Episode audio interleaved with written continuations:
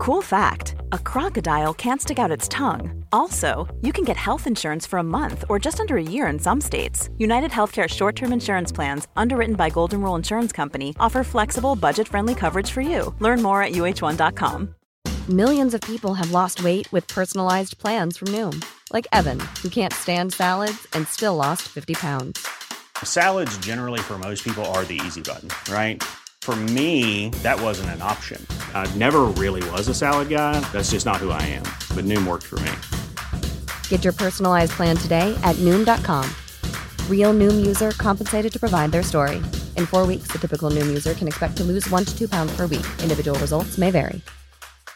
Hey, Dave. Yeah, Randy. Since we founded Bombus, we've always said our socks, underwear, and t shirts are super soft. Any new ideas? Maybe sublimely soft. Or disgustingly cozy? Wait, what? I got it. Bombas. Absurdly comfortable essentials for yourself And for those facing homelessness. because one purchased equals one donated. Wow, did we just write an ad? Yes. Bombas. Big comfort for everyone. Go to bombas.com slash ACAST and use code ACAST for 20% off your first purchase. Den här veckan presenteras Market Makers av inga mindre än Ikea. Och det här, Fabian, ligger mig varmt om hjärtat. Eh, det var ju några år sedan nu, men då var jag faktiskt med och inredde kontor till företaget jag drev. Men vi, och vi körde faktiskt i princip uteslutande möbler från Ikea, med kök och hela rubbet. Eh, och som nog alla vet, varför väljer man Ikea? Jo, för att det står för hög kvalitet, snygg design och fantastiska priser. Ja, jag sitter i en kontorsstol nu från eh, Ikea och jag vet ju att många finansexperter där ute gillar att köpa de här Herman Miller-stolarna för, och går om för 5 till 10 000. Och jag har ju själv suttit i sådana och jag tycker den här stolen från Ikea, den är minst lika bra om inte bättre, men liksom en tiondel av priset. Ja, jag håller med. Och jag sitter med ett Ikea-skrivbord faktiskt, höj och sänkbart, som är fantastiskt bra. Det enda som var synd när jag inredde kontor, det var att då hade inte Ikea lanserat sitt lojalitetsprogram för företag. Men nu har de gjort det. Det heter Ikea Business Network och är man med där så får man helt enkelt massvis av extra erbjudanden och förmåner. Till exempel alla inköp samlade digitalt, en timmes kostnadsfri rådgivare med företagsinredare och tillgång till alla Ikea Family-priser. Ja, och för dig som byggde kök så hade det ju faktiskt blivit ännu billigare idag. För om du går med i Ikea Business Network får du ta del av erbjudanden som ger dig 25% på köksstommar vid köp av ett komplett kök. Och den rabatten hade ju sparat dig många, många tusenlappar. Verkligen. Och du som lyssnar, du har ju chansen att ta del av det här. Om du går in på ikea.se företag så kan du läsa mer om vad Ikea kan erbjuda för just ditt företag och du kan gå med i deras lojalitetsprogram Ikea Business Network. Vi säger stort tack till Ikea. You don't need a lot of brains in this business. I mean, I've always said if you got an IQ of 160, give away 30 points to somebody else because you don't need it in investments. What you do need is emotional stability. very first tech IPO, and it's a big one. Stock market hit an all-time record high today. A crash is coming. Now, whether it's six months from now, 12 months, 36 months, no one knows. There's a bear market about every five years. We've gone eight years without one. People have to realize this is the biggest IPO ever. Hej och välkommen till ett nytt avsnitt av succépodden Market Makers. Hur är läget med dig Fabian? Det är fantastiskt. Solen strålar och oljefutures slog mot negativt igår. Äh, den här marknaden slutar aldrig att häpna. Nej, det är ju faktiskt eh, once in a lifetime event och eh, risken är väl att, jag vet, alla har ju skrivit om det, alla kommer säkert prata om det, eh, men vi måste också prata om det för det är väldigt märkligt. Eh, men en annan sak som är spännande också, eh, S&P 500, vi hade förresten den första lite större neddagen idag, börsen är väl ner 3-4% någonting. Eh, så det var väl kul för dig då som ligger utanför marknaden. När ska du börja köpa in igen? Aldrig. Aldrig? Jag ska vara är short until nu. I bust. Ja. jag vet inte. Min, mina största innehav nu ligger på guld och amerikanska dollarn. Om du ser. Ja, så vi får, vi, vi får se när man återvänder. Det kan antagligen som vanligt vara den största missen jag gör. Men det känns, den här marknaden känns otroligt osäker. Helt sant, och någonstans här måste det börja bli dags för en rekyl ner tycker jag. Men eh, ja, jag har faktiskt inte förändrat någonting, mest av lathet. Det vi kan till, jag tycker i alla fall att guld känns ju fortfarande väldigt, väldigt intressant. Så att det, jag tror att det kommer vara en, en klok grej att äga oavsett. Eh, jag såg förut S&P 500, alltså det stora breda amerikanska börsindex. Just nu om man tittar på de fem största bolagen, man bara plockar ut de fem största bolagen i indexet och kollar hur stor andel av indexet de utgör. De utgör just nu över 20% av hela S&P 500, alltså de fem största bolagen av 500 bolag. Det handlar om Microsoft, Apple, Amazon, Alphabet och Facebook.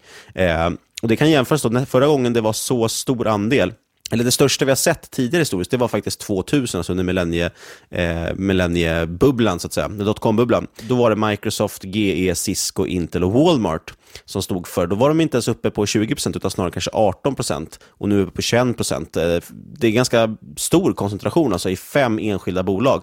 Eh, och det är lite, lite av en varningssignal kan man ändå någonstans få påstå. Absolut, speciellt för sådana här bolag som ska vara ocykliska men eh, det är ju inte riktigt korrekt. Alla de här bolagen har ju eh, cykliska tendenser, speciellt Google och Facebook som är, ja det är ju marknadsföring, det har vi pratat om förut, det har vi väl alla pratat om, det är ju marknadsföringsbolag. De säljer ads, det är, allt annat runt omkring är ju bara eh, för att locka in det, publik för att kolla på de här adsen. Men det är marknadsföringsbolag och de kommer påverkas som marknadsföringsbolag gör. Precis, och du hade ju någon spaning där. Jag vet att du var inne och tittade på vad, vad kostade annonseringspriserna på Facebook hade ju störtdyket, eller hur? Oj, ja. Eh, jag har ju dock inte siffran i huvudet, men jag tror att det hade minskat med 25-30 procent. Och det handlar ju just om det, att det är färre helt enkelt som annonserar, färre som har pengar att annonsera. Sen är antagligen användandet av själva tjänsten har säkert ökat, kan jag tänka mig, i de här tiderna. Eh, men annonseringen gör inte det, och det är det de tjänar pengar på.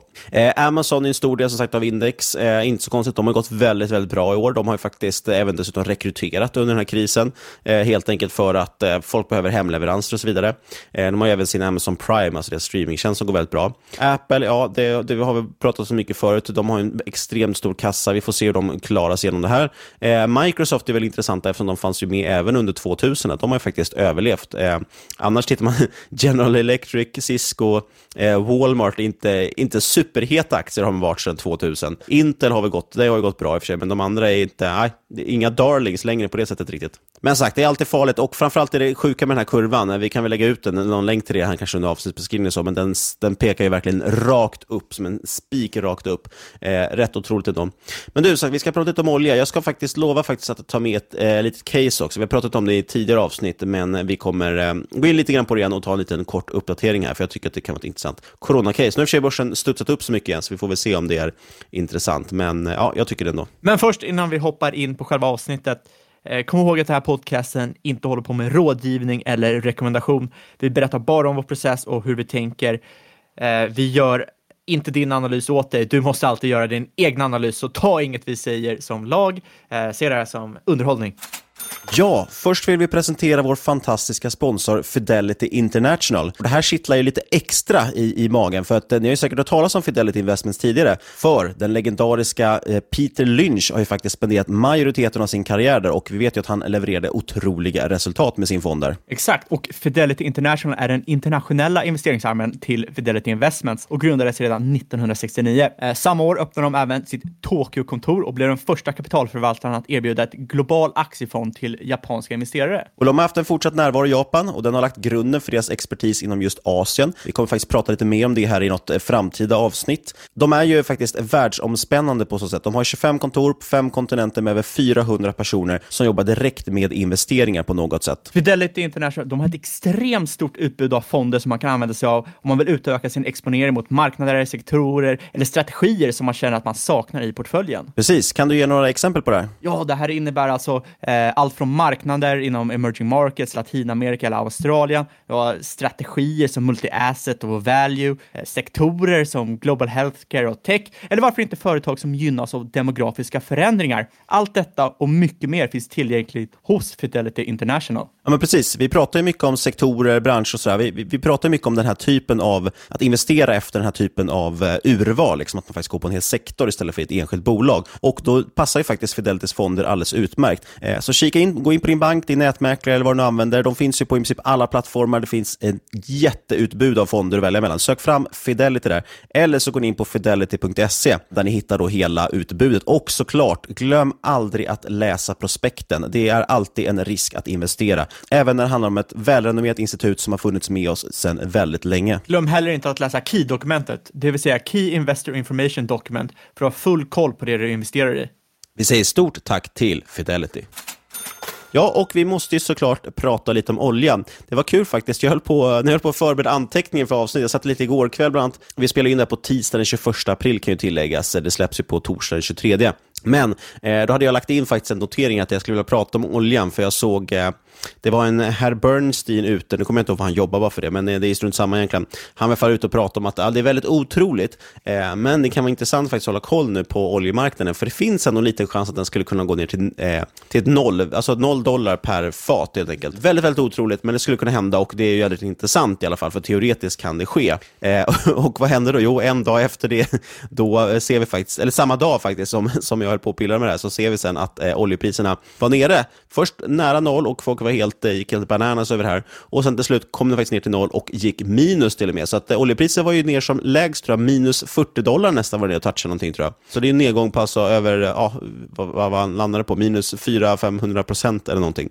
Eh, helt sanslöst. Exakt, första gången i historien och eh, det är ju superintressant att ta del av en sån här marknad. Och eh, vi kanske snabbt ska förklara varför varför det, det, här har hänt. Ja, men precis. Vad det som faktiskt händer? Ja, och det handlar helt enkelt om att det är ju inte det så kallade spotpriset man pratar om, utan det är ju ett specifikt terminskontrakt, det vill säga det som rullar nu i, eh, som rullade nu egentligen i, i dagarna här. Helt enkelt handlar det om att det här terminskontraktet, ett terminskontrakt kräver att du tar emot en fysisk leverans, eller i alla fall gör det i det här fallet. Eh, så att äger du ett terminskontrakt, ja då kommer du behöva ta emot tusen fat olja eh, i Cushing, Oklahoma. Problemet är att alla liksom, tankers och alla lagringsmöjligheter är helt upptagna för att ingen vill, liksom, det finns ingen efterfrågan på olja just nu. Så ingen kan ta emot det här. Eh, dessutom, ja, det, det helt enkelt går inte att ta sig dit med sina tankers och lasta på oljan. Så ingen vill ha det här.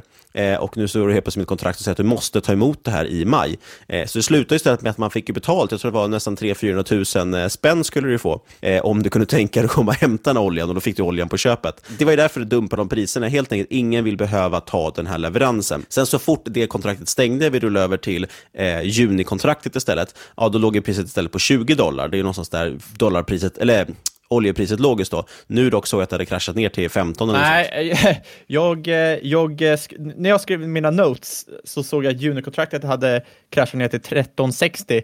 Men när jag öppnade upp Twitter precis för några minuter sedan såg jag att det hade gått ner till 10. Alltså ned 50 procent på ett dygn. Och det var ner från 21 igår. Eh, och det visar ju alltså att Cushing Oklahoma, det är inte in good shape som man säger på engelska. Eh, det är väldigt fullt där, det finns ingenstans att avlasta oljan. Och Eh, Nej, och det var väl, jag vet att det var många som ute och spekulerade att man kanske borde eh, köpa olja nu eftersom den ligger på negativt. Och det är ju helt fel sätt att titta på det. Eh, snarare är det ju extremt negativt, så att du borde kanske snarare kortat det. Och det, det var jag lite sugen på att göra, men å andra sidan tycker jag det är lite knepigt och jag handlar inte så mycket med terminer, så att, eh, jag gjorde inte det. Men det hade ju varit en, en bra trade annars som har fått 50% på en dag. Ja, jag, tror, jag tror allmänt att om du är retail-investerare, inte sysslar och handlar med det här, eh, och du inte är en van handlare, du ska hålla dig utanför, du kommer förlora pengar på det, du kommer inte tjäna någonting på det med störst sannolikhet. Nej, och vill man, det finns ju ibland möjligheter liksom att, att vilja ta bets i råvaror och sådär. Men jag, jag, tror inte man ska sitta på, man ska inte sitta på terminskontrakten med fysisk leverans. Det kan ju bli väldigt, väldigt tokigt. Man har ju hört sådana lite historier också om, om Wall Street bankers som sitter och har handlat i typ eh, lean, lean pork, eh, kontrakt, eller lean hogs kontrakt, så helt plötsligt står de där utanför och vill leverera massa griskött till dem. Eh, ja, lite roligt. Alltså, rent allmänt så ser man den här nedgången i junikontrakt pekar ju på en rejäl stress eh, och troligtvis kommer man ju se att ytterligare producenter av olja kommer tvingas eh, stänga ner än flera som redan har gjort det och eh, kommer göra det Eh, det här visst, det är ju så extremt svårt att säga om vad som kommer hända, vare sig det handlar om ekonomin som helhet eller på börsen. Nu händer ju saker som aldrig tidigare har hänt och i stort sett, det finns inga backtests för det här. Du kan inte backtesta 10, 20, 30 år och försöka hitta en prognos på vart börsen kommer stå om ett halvår eller om ett år. Men det man kan säga är att det känns ju fullständigt orimligt att S&P 500 och Nasdaq i stort sett ligger flät på året. Och ja, visst plockar Fed upp den notan, men eh, man ser ju bara inte sådana här rörelser hipp som hack. Att världens viktigaste råvara tradar till negativa priser, eh, ja, det är helt enkelt ett Eh, det är ett tecken på att saker är jävligt, jävligt skevt just nu. Och man måste ju också tänka på att det här kommer få följdeffekter. Eh, vi har varit inne på det tidigare, men, men shaleoljan i, i USA är väldigt viktig. Vi har dessutom också länder som Saudi och Iran som i princip bygger hela sin eh, budget och, och, och Ryssland till också på just eh, oljepriset och så vidare. Men framförallt är, ju stora problemet om man tittar på USA som är världens största kapitalmarknad, så är det ju att de sitter på väldigt mycket sådana high yield eh, bonds som vi pratade om, massa skräpobligationer. Mycket, en stor del av dem är kopplade till de här shale till eh, shale-oljebolagen och många av dem kommer gå i putten nu helt enkelt för att de kan inte leva på de här priserna. Eh, så att, ja, det kommer bli en, en stora följdeffekter av det här helt enkelt och det, det kommer, det, ja, det sätter alltid sina spår. Så att säga. Det, det finns ingen sån här eh, V-kurva man pratar om, V-shaped recovery, att det ska bara vända på en femöring, utan det kommer ta tid att få, få igång allting igen. Exakt, och man kan ju också påpeka, vi har inte sett några större konkurser än allmänt på grund av eh, corona eller negativa oljepriset. Och då ska man ju fråga sig, vart kommer det här komma någonstans? Var är Taylor-risken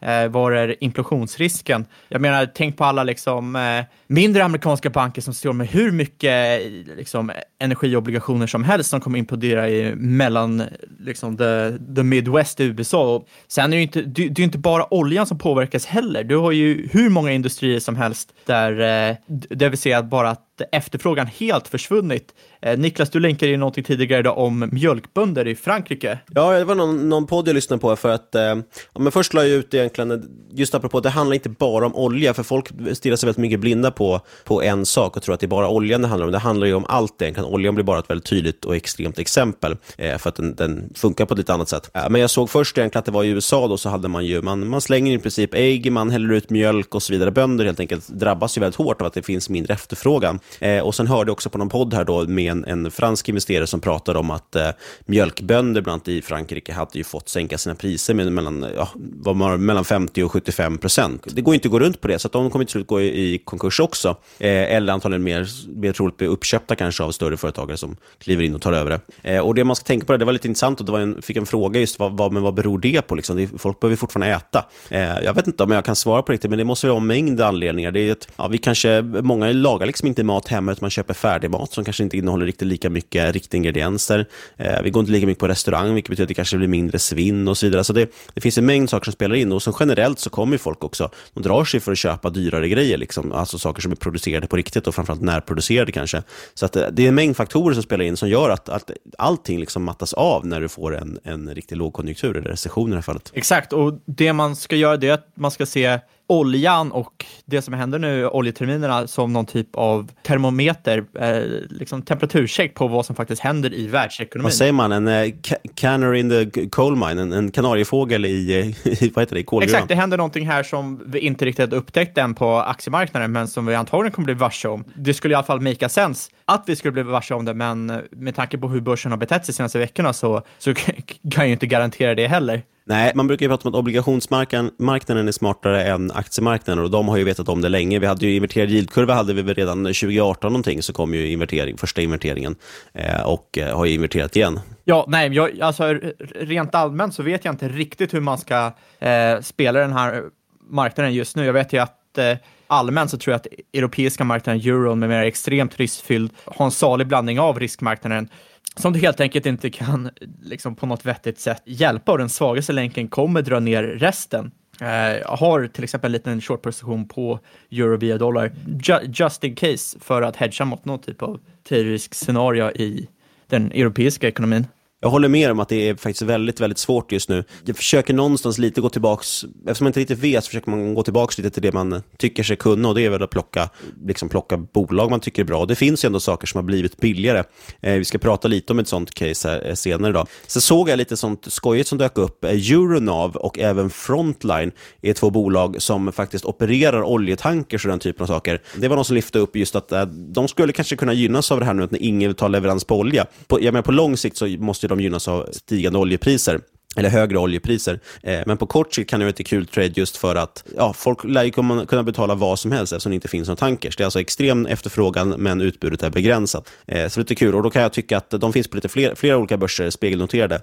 Eh, jag skulle nog köpa dem på amerikanska börsen om man nu är intresserad av de här bolagen. Eh, just för att då får man dem faktiskt i dollar och apropå det du pratar om. Eh, något annat jag tänkte lite grann på faktiskt är ju det här med inflationen. Alltså vad, vad gör en krasch i oljepriser egentligen med inflationen? Eh, oljan är ju en ganska stor viktig del av inflation. Och låg inflation gör ju, som vi har haft väldigt länge, det gör ju att centralbankerna kan köra ännu mer QE, ännu lägre räntor och så vidare. Det är det som gör att de har någon form av ammunition. För att skulle vi få tillbaka inflation, ja då kan de inte skjuta på och trycka pengar helt enkelt. Absolut, och du har ju eh, sett så... det nu. Fem års eh, QE i stort sett på tre, fyra veckor. Så de, de dras ja, och ingenting det. händer med inflationen. Nej. Nej, och, och det är just för att oljepriserna har totalkraschat. Eh, sen också faktiskt, lite större perspektiv så är ju Kina framförallt den, den stora liksom, deflatoriska effekten på världen. Tack vare globalisering och att alla flyttar ner sin produktion dit där man kan få då helt enkelt väldigt mycket billigare priser på sin produktion, så har ju hela världen genomgått en jätte, jättestor deflatorisk, liksom, eh, vad ska man säga, strukturell, strukturell deflation.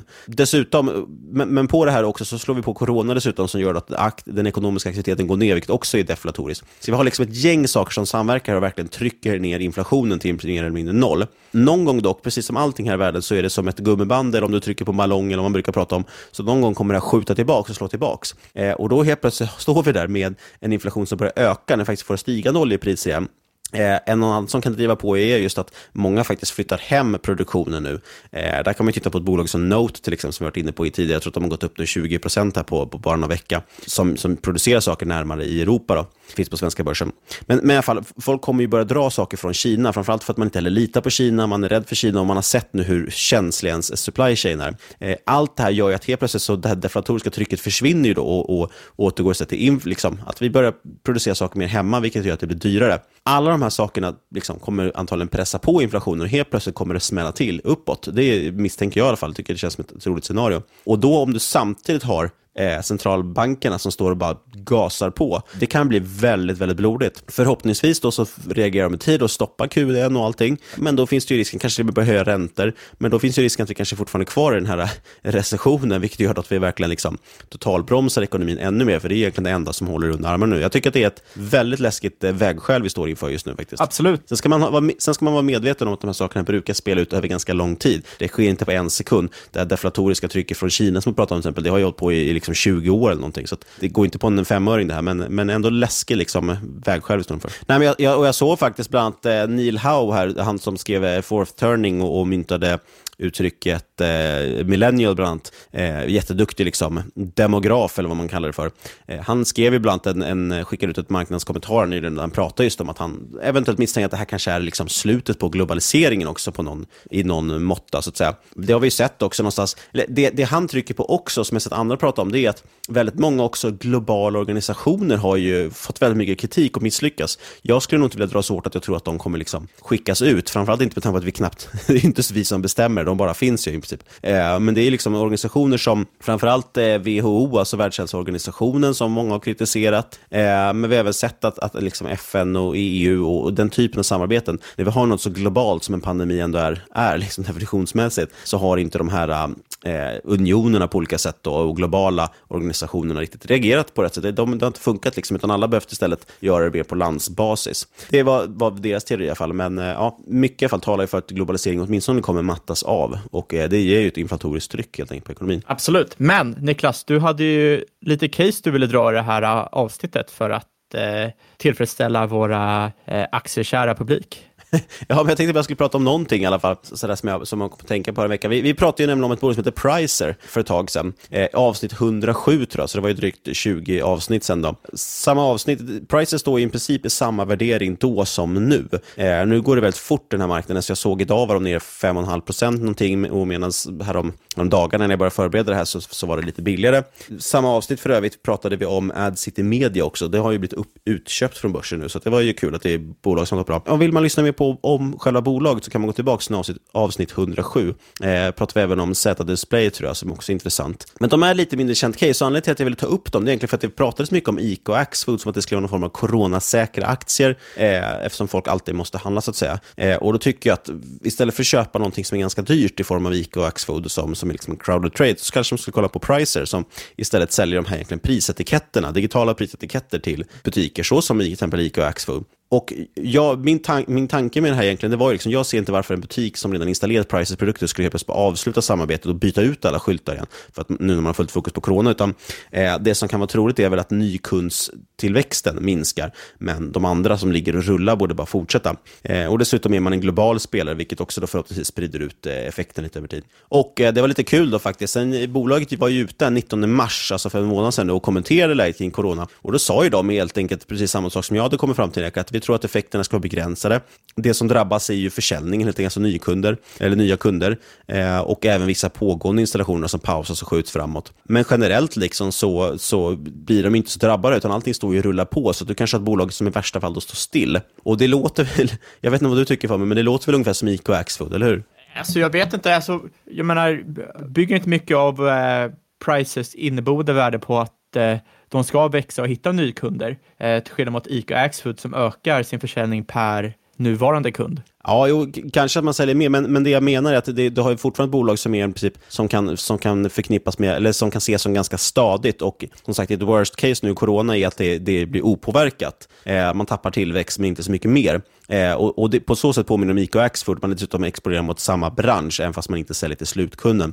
Det som är poängen då är att istället köper du ICA eller Axfood, får du betala P 26, medan Surprise betalar P 19. Eh, det var tidigare P 16, så det var ännu lite billigare, nu har det gått upp lite grann. Och då har dessutom Price Effect haft vinsttillväxt, det har i princip inte ICA och Axfood haft. ICA har haft negativ vinsttillväxt två år i rad, Axfood har legat eh, på ganska låg vinsttillväxt, vilket gör att med det P-talet så har de haft på ett PEG-tal på typ 4,3 någonting vid tillfället. Price har sedan haft växt i flera år nu i rad.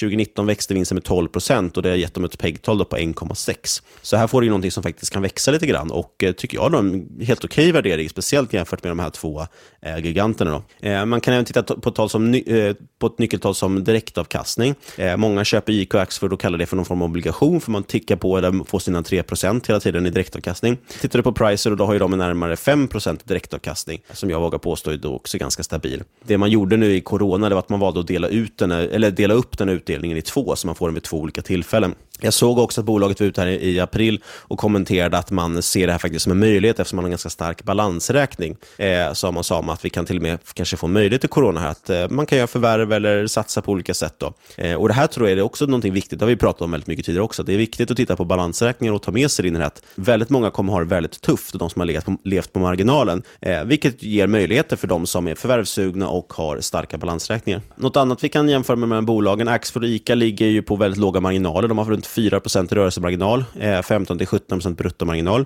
De har blivit bättre under åren eh, genom att man har skaffat egna varor och, och så vidare. Eh, men annars är det liksom tunna marginaler i, i livsmedelsbranschen. Pricer ligger på 10% rörelsemarginal och 33 i bruttomarginal, som alltså mer än dubbelt så höga marginaler. Så det är också intressant. och så stor andel återkommande intäkter också från de kunder som installerat systemet. Och som sagt, balansräkningen ser liksom bra ut här. Pricer har ju en nettoskuld på samma sätt som man vill ha sitt coronatest, alltså negativt. Och det finns lite pengar i bolaget för att kunna härda ut de här sämre tiderna. Även om jag tror att man som sagt tar sig igenom det här utan problem, utan att behöva egentligen göra någonting speciellt.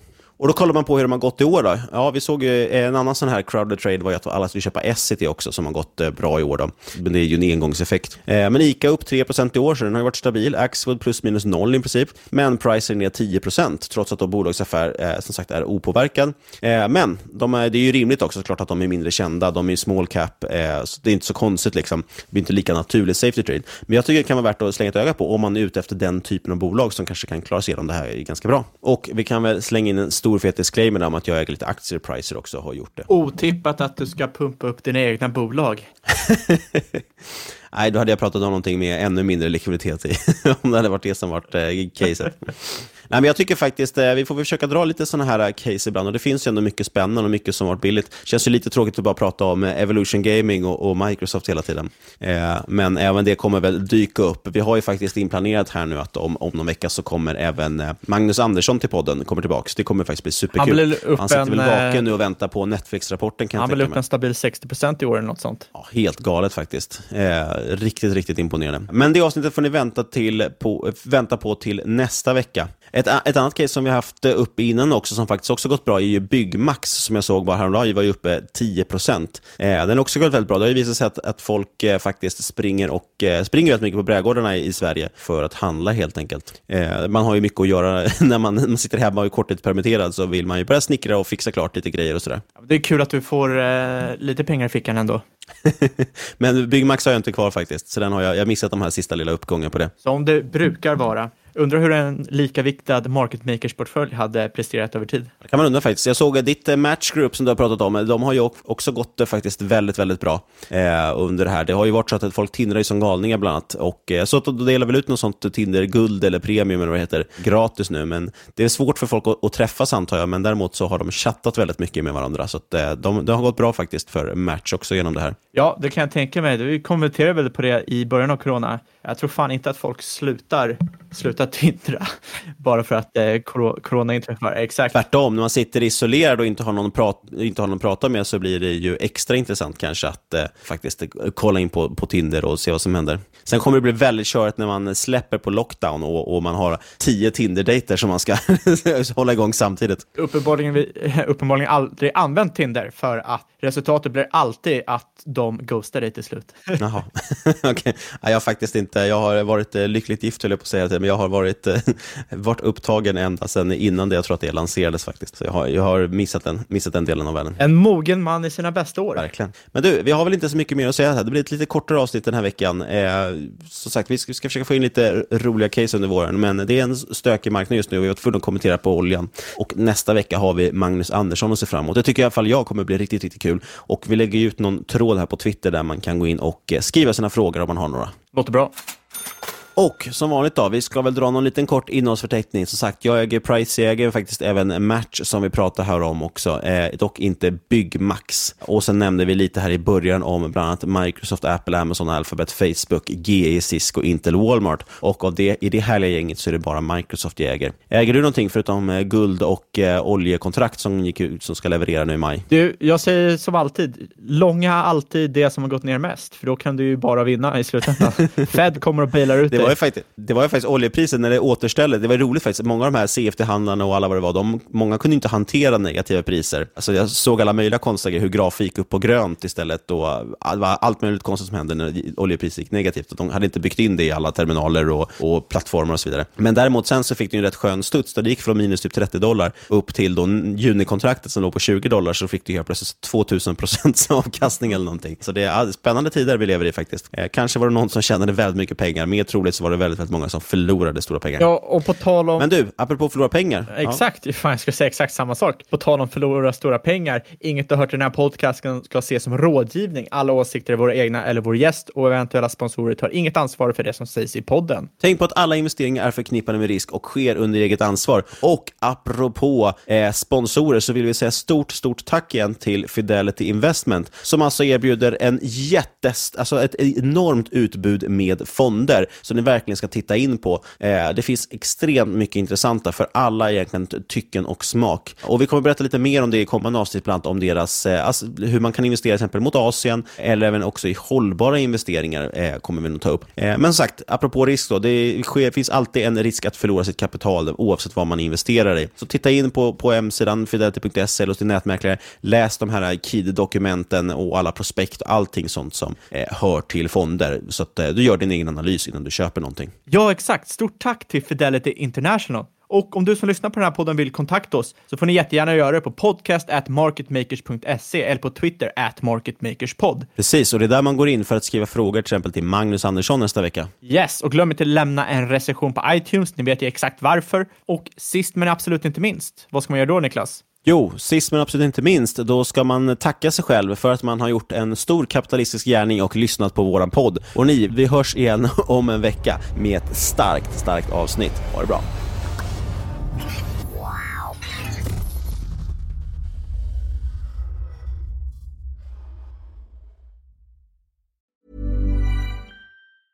Cool fact a crocodile can't stick out its tongue. Also, you can get health insurance for a month or just under a year in some states. United Healthcare short term insurance plans, underwritten by Golden Rule Insurance Company, offer flexible, budget friendly coverage for you. Learn more at uh1.com.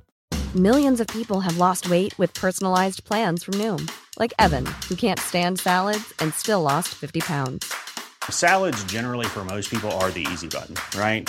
For me, that wasn't an option. I never really was a salad guy. That's just not who I am. But Noom worked for me. Get your personalized plan today at Noom.com. Real Noom user compensated to provide their story. In four weeks, the typical Noom user can expect to lose one to two pounds per week. Individual results may vary. Hey, Dave. Yeah, Randy. Since we founded Bombus, we've always said our socks, underwear, and t shirts are super soft. Any new ideas? Maybe sublimely soft. Or disgustingly cozy? Wait, what? I got it. Bombus. Absurdly comfortable essentials for yourself And for those facing homelessness. because one purchased equals one donated. Wow, did we just write an ad? Yes. Bombas. Big comfort for everyone. Go to bombas.com slash ACAST and use code ACAST for 20% off your first purchase. Quality sleep is essential for boosting energy, recovery, and well being. So, take your sleep to the next level with Sleep Number. With a Sleep Number smart bed, you can individualize your comfort level and enjoy a better sleep night after night. JD Power ranks Sleep Number number 1 in customer satisfaction with mattresses purchased in-store. And now the Queen Sleep Number C4 smart bed is only $1,599, a saving of $300, only for a limited time. For JD Power 2023 award information, visit jdpower.com/awards. Only at Sleep Number stores or sleepnumber.com.